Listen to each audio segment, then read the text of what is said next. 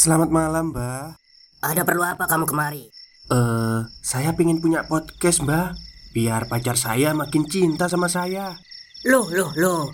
Mau bikin podcast kok tanya dukun? Sekarang kamu download aplikasi Anchor.fm. Di situ kamu bisa buat podcast gratis dan podcast kamu bisa didistribusikan ke platform mana pun. Dan di aplikasi atau website Anchor.fm juga terdapat fitur-fitur yang memudahkan kamu untuk membuat podcast. Oh, gitu ya, Mbak.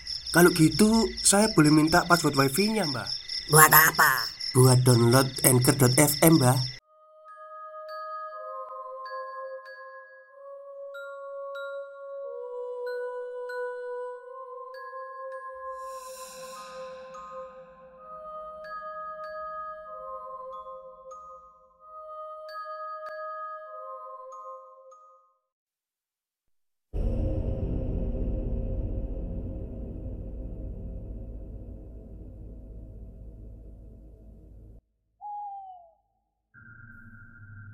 Assalamualaikum warahmatullahi wabarakatuh.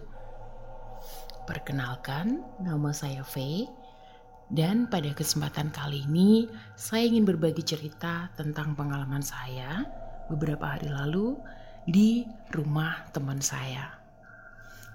Jadi awal ceritanya di kampung saya ya, di desa saya eh, itu setiap malam Jumat akan diadakan acara pengajian rutin ya. Jadi pengajian ibu-ibu gitu. Nah, pada hari itu saya janjian dengan teman saya namanya Itun untuk berangkat bareng. Nah, karena acaranya itu pada maghrib, ya biasanya sih jam 6 itu kita baru berangkat gitu. Karena saya karena saya janjian, jadi saya berangkat lebih awal karena harus ke tempatnya Itun dulu ke tempat teman saya ini gitu. Jadi begitu uh, adzan maghrib selesai, saya sholat, begitu selesai sholat saya langsung berangkat. Nah, uh, berapa saat kemudian saya tiba di rumahnya Itun karena memang nggak nggak terlalu jauh ya, uh, masih satu desa lah gitu. Uh, dan di sini saya akan kasih layout dari rumahnya Itun dulu. Jadi Itun ini uh, tinggal di rumah mertuanya dan mertuanya ini orang yang cukup berada pada masanya gitu bangunan rumahnya itu masih pakai bangunan lawas yang rumahnya itu uh, di dalam ya di belakang gitu. Nah di depan rumahnya itu ada pendoponya gitu pendopo. Terus di tengah pendopo itu ada uh, satu set kursi kayu gitu. Jadi biasanya sih dipakai kalau misalnya uh, warga sekitar gitu ada acara yang yang ngumpul-ngumpul warga tuh biasanya di uh, pendopo ini dipakai gitu ya. Jadi jadi kalau misalnya aku mau masuk ke tempatnya Itun ya uh, aku harus melewati pendopo ini dulu karena pendoponya itu di depan rumahnya gitu loh segede rumahnya pendoponya itu. Jadi gede banget.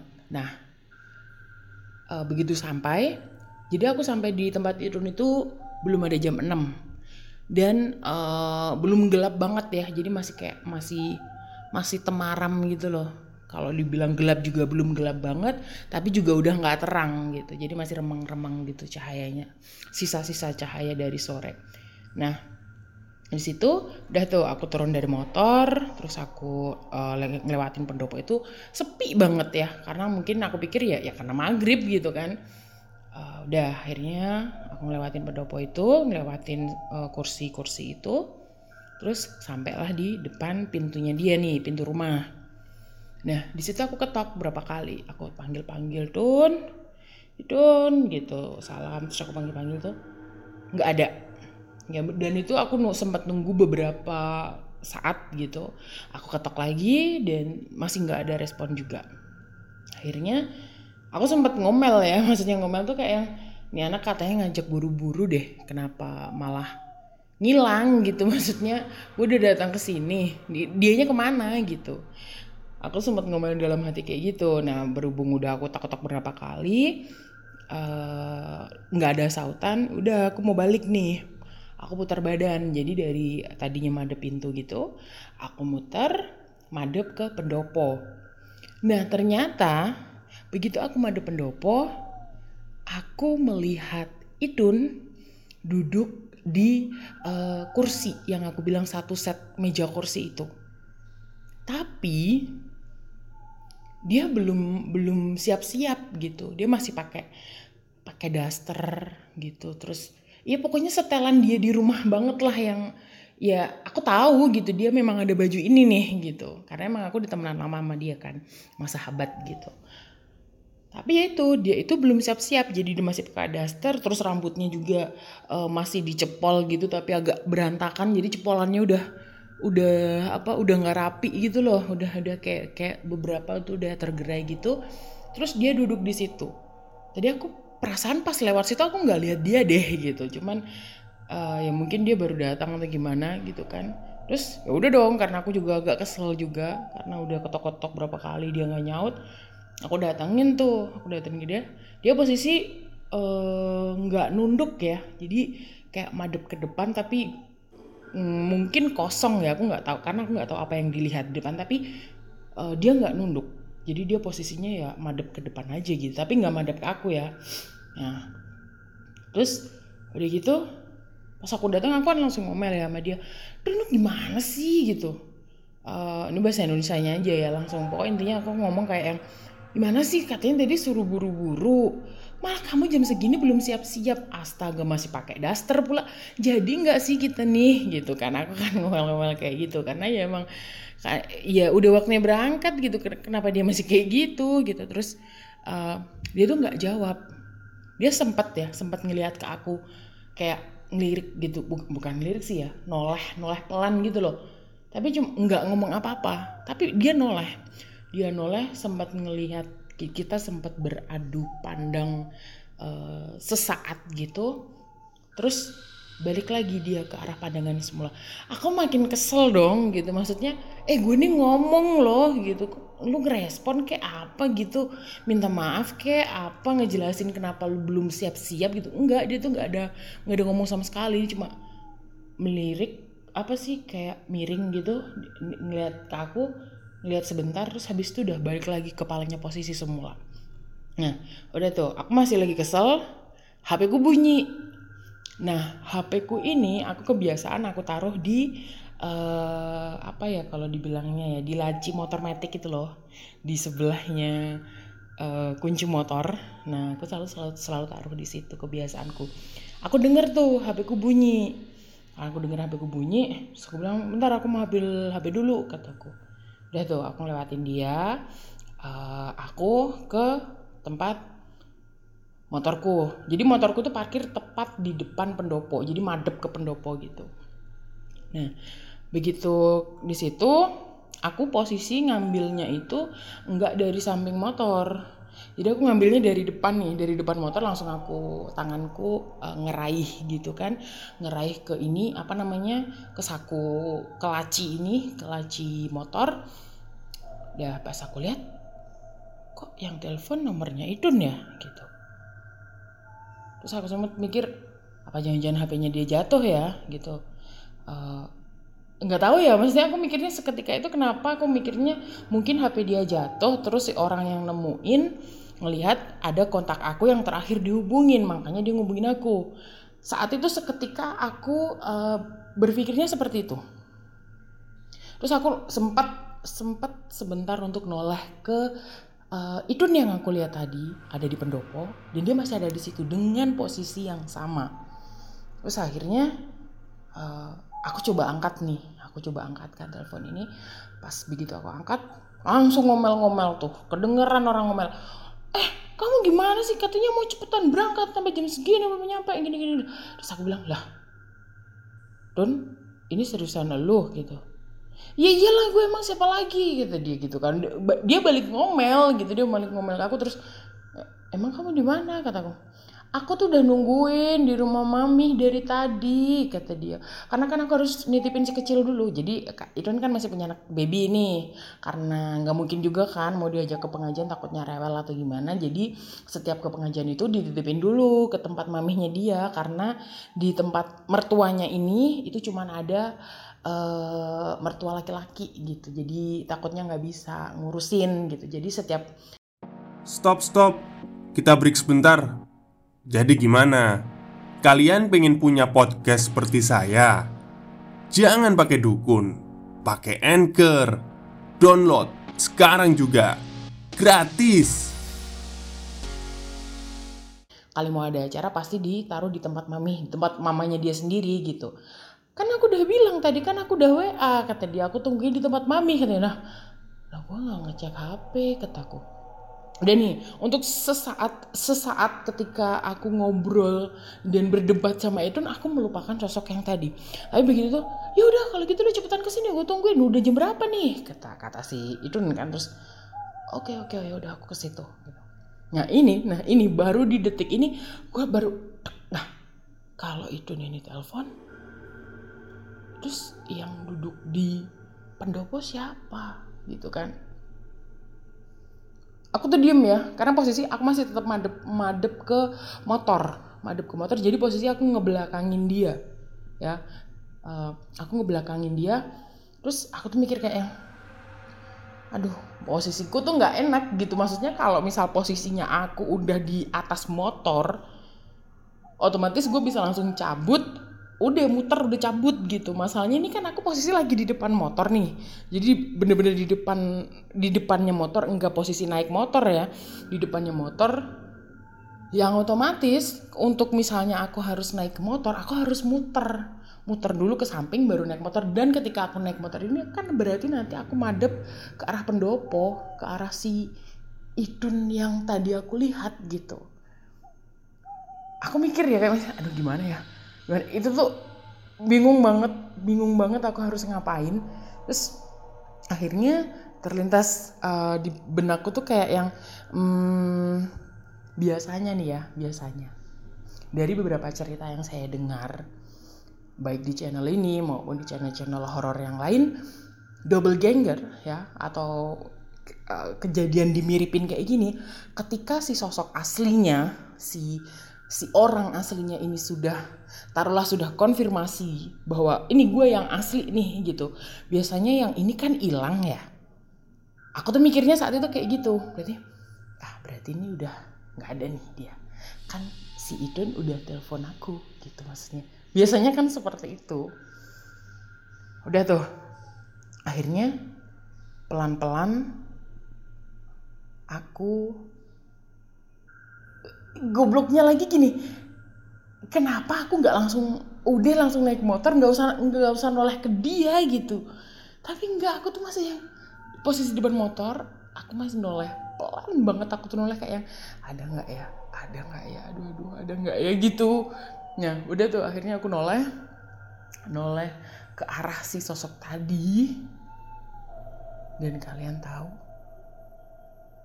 dia masih ada di sana dengan posisi yang sama. Tapi dia menoleh ke arah saya, nyengir dan tertawa cekikikan. Dan kalian tahu dia bilang apa? Aku si nengkene. Aku ranyandi Aku si nengkene dan itu diulang berapa kali yang artinya aku masih di sini, aku gak ke mana-mana gitu. Itu kayak kayak kayak apa sih? Kayak dia tuh yang yang ngecengin aku gitu loh. Kayak yang ye aku tuh masih di sini loh ye dikiranya aku hilang ya kayak gitu. Gue bingung dong. Terus astagfirullahaladzim langsung udah aku tuh merem berusaha langsung merem. Merem tuh sambil mundur pelan aku nggak mau lihat dia aku mundur pelan muter ke arah motor langsung ngambil kunci motor ya. Langsung ngambil kunci motor terus sudah dimasukin motor. Aku nggak berani ngangkat kepala jadi aku nunduk aja. Selama selama apa selama aku pindah ke motor terus masukin kunci motor itu aku nunduk. Nunduk aja. Udah nunduk terus habis itu udah nyalain nyalain motor. Dan alhamdulillahnya nggak kayak di adegan di sinetron ya yang di starter nggak bisa bisa gitu enggak. Alhamdulillahnya langsung bisa juga dan aku langsung muter. Dan ketika aku muter otomatis aku harus harus ini kan harus kayak ngelihat ke depan kan. Nggak mungkin dong aku naik motor dengan posisi merunduk gitu. Nah akhirnya akhirnya aku beraniin untuk uh, apa sih angkat angkat kepala gitu ngelihat ke depan dan sekilas aku ngeliat sosok itu udah nggak ada di itu. Karena memang posisinya motorku kan masih ini ya masih madep ke pendopo belum muter. Nah habis itu udah aku langsung muter. Dan yang aneh adalah ketika dalam perjalanan itu aku ini ya cepet keluar dari situ. Otomatis kan aku kayak di dalam hati tuh kayak mikir siapa ya? Ini siapa ya tadi ya? Kalau gitu itu siapa kalau gini di rumah maminya kan pertanyaan itu pasti ada gitu pasti terlintas di otak saya gitu. Dan yang aneh adalah sepanjang perjalanan karena emang nggak jauh sih sebenarnya mungkin lima menitan lima ya lima sampai sepuluh menitan lah naik motor dari tempatnya si mertuanya itu ini sampai ke tempat mamihnya dia itu. Uh, sepanjang perjalanan itu pertanyaan kan ada nih di otak gitu siapa ya? Terus tadi siapa gitu. Nah Ketika pertanyaan itu berada di otak saya, entah dari mana, sepanjang perjalanan itu ada satu nama yang seperti dibisikkan. Aku nggak tahu ya itu itu jatuhnya bisikankah atau karena aku nggak deng nggak nggak dengar suaranya tapi itu kayak kayak ada sebuah nama yang tiba-tiba terlintas dan itu terus. Dan namanya adalah Lasmini. Lasmini. Lasmini. Itu sepanjang jalan sampai aku sampai ke tempat itu. Terus udah tuh kan aku di situ sepanjang jalan juga aku terus berdoa sampai akhirnya suara bisikan itu hilang. Begitu sampai di tempat itu uh, jadi di depan rumah itu tuh ada ini ya, ada pohon mangga gitu, ada pohon mangga yang cukup gede terus pendek jadi pohon mangganya bukan yang tinggi banget. Pohon mangga apa sih ya? Yang hijau itu loh yang aromanis atau apa ya? Pokoknya itu. Jadi pohonnya itu nggak terlalu gede dan itu cukup cukup rimbun gitu. Ada dua di depan di depan uh, di halaman rumahnya itu. Nah begitu aku nyampe sana uh, apa? Aku turun tuh udah turun dari motor dan yang bikin aku shock sekali lagi. Entah kenapa ya mungkin mungkin karena emang itu malam Jumat atau gimana aku nggak paham. Ketika aku jalan jadi motornya aku parkir di eh, nggak uh, terlalu mepet ini ya nggak terlalu mepet sama teras gitu agak di sana gitu. Begitu aku turun dari motor jadi ini ada dahan ya ada dahan yang yang agak pendek. Jadi misalnya berbuah tuh aku aku ngeraih pakai tangan aja tuh bisa gitu. Dan ketika aku hampir melewati dahan itu peng ada kaki yang terjuntai dan aku nggak tahu itu punya siapa karena bagian atasnya tuh nggak kelihatan karena itu rimbun. Tapi bener literally itu kaki pucat terus uh, dia bukan bukan bergaun ya jadi bukan pakai gaun panjang terus kelihatan kaki nggak. Bener-bener kaki dua dua sepasang kaki gitu ya. Sepasang kaki yang tiba-tiba aja gitu pas aku lewat bang turun gitu. Turun di depan muka aku dan kayak di ayun-ayun gitu. Udah di situ aku jerit sekenceng-kencengnya ya mana maghrib itu kan. Aku jerit bener jerit banget. Terus sampai ini keluarganya itu keluar semua hei ada apa Feve ada apa? Gitu, gitu terus aku tuh nggak bisa ditanyain. Saat itu aku nggak bisa ditanyain udah tuh akhirnya sama abahnya sama abahnya dibawa masuk. Udah ada ya ayo ayo kom lepu kom lepu gitu. Makrib makrib jangan jopo gitu. Makrib makrib jangan dulu udah bawa masuk gitu. Udah akhirnya bawa masuk. Terus uh, apa? Udah begitu di dalam udah dikasih minum ini itu ini itu. Akhirnya udah lebih enakan kan udah lebih enakan baru tuh aku cerita semuanya gini gini gini, gini.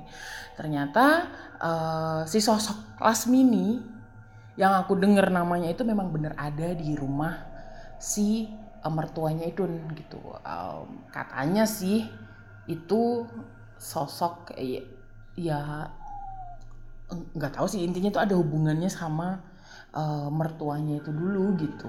Entah itu keluarganya entah apa pokoknya emang ada di situ gitu. Itu sih. Dan uh, yang penampakan yang sampai di rumah itu yang kaki itu itu random sih katanya maksudnya bukan si Lasmini gitu. Karena emang itu aku nggak ngeliat uh, kostumnya ya jadi emang bener-bener cuma literally kaki gitu. Ya udah habis dari situ udah dibacain doa juga sama abah terus di uh, apa minum air putih hangat yang udah dibacain doa juga udah lebih enakan dan uh, ya udah gitu. Udah dalam hati aku yang kayak ya udah sih kenalannya udah ya cukup gitu. Sih itu cukup ekstrim loh kalau misalnya dia nunjukin diri cuma buat kenalan gitu. Itu ekstrim banget buat aku ya. Jadi udah udah iya udah aku tahu nih ada kamu di situ. Udah ya gitu. Udah nggak usah muncul muncul lagi aku bantu kirim doa aja buat buat kamu siapa pun itu gitu. Ya udah uh, dari situ uh, ber, apa pulangnya juga udah nggak ada gangguan apa apa ya alhamdulillah gitu jadi ceritanya segitu dulu. Uh, mohon maaf kalau mungkin ceritanya nggak serem, berbelit-belit atau mungkin ada uh, tutur kata saya yang tidak pas. Sekali lagi saya mohon maaf yang sebesar-besarnya. Uh, dan semoga cerita ini bisa menemani uh, malam kalian dan jangan lupa like, komen, uh, subscribe channel ini. Jangan lupa juga nyalakan lonceng notifikasi agar kalian nggak ketinggalan update terbaru dari channel ini. Saya Fee undur diri, terima kasih sudah mendengarkan. Selamat malam. Assalamualaikum warahmatullahi wabarakatuh. Baik, itulah akhir cerita pada malam hari ini ya cerita dari Mbak V yang menceritakan tentang pengalamannya saat bertemu dengan kembaran temannya. Dan kisah ini ternyata tidak hanya dialami Mbak V ya. Dulu itu pernah, tapi bukan saya yang mengalami, adik saya itu ke rumah saudaranya. Ya saudara saya juga sih Saudara paman itu ya. Dia juga nggak tahu waktu itu kalau paman itu nggak ada di rumah. Nah waktu ke sana Di depan rumahnya itu kan ada kursi. Ya biasa lah kayak kursi tamu gitu. Dan keadaan rumah waktu itu remang-remang. Si adik ini niatnya ini mau nganterin kayak berkat gitu ya. Kan kita habis ada hajatan gitu nganterin berkat ke sana dan ternyata nggak waktu ketemu dia terus salaman ya salim gitu. Terus ngasih berkat tapi di, dia diem aja gitu. Nggak ada jawaban apa apa akhirnya si adik ini pamit. Terus ternyata besoknya itu paman itu ngomong kok Kok apa itu namanya? Berkatnya nggak disimpan aja dibuat di rumah sendiri. Kok ditaruh di apa teras rumah gitu. Nah kan si adik kan kaget wong yang apa nerima kan paman gitu. Ternyata bukan paman gitu. Ya itu aja sih sedikit cerita dari adik saya. Oke mungkin itu saja cerita pada malam hari ini Terima kasih sekali Mbak V sudah kembali mengirimkan kisah mistisnya pada podcast Horror Next Story. Dan semoga nggak kapok ya ngirim ke sini lagi. Kurang lebihnya saya mohon maaf. Wassalamualaikum warahmatullahi wabarakatuh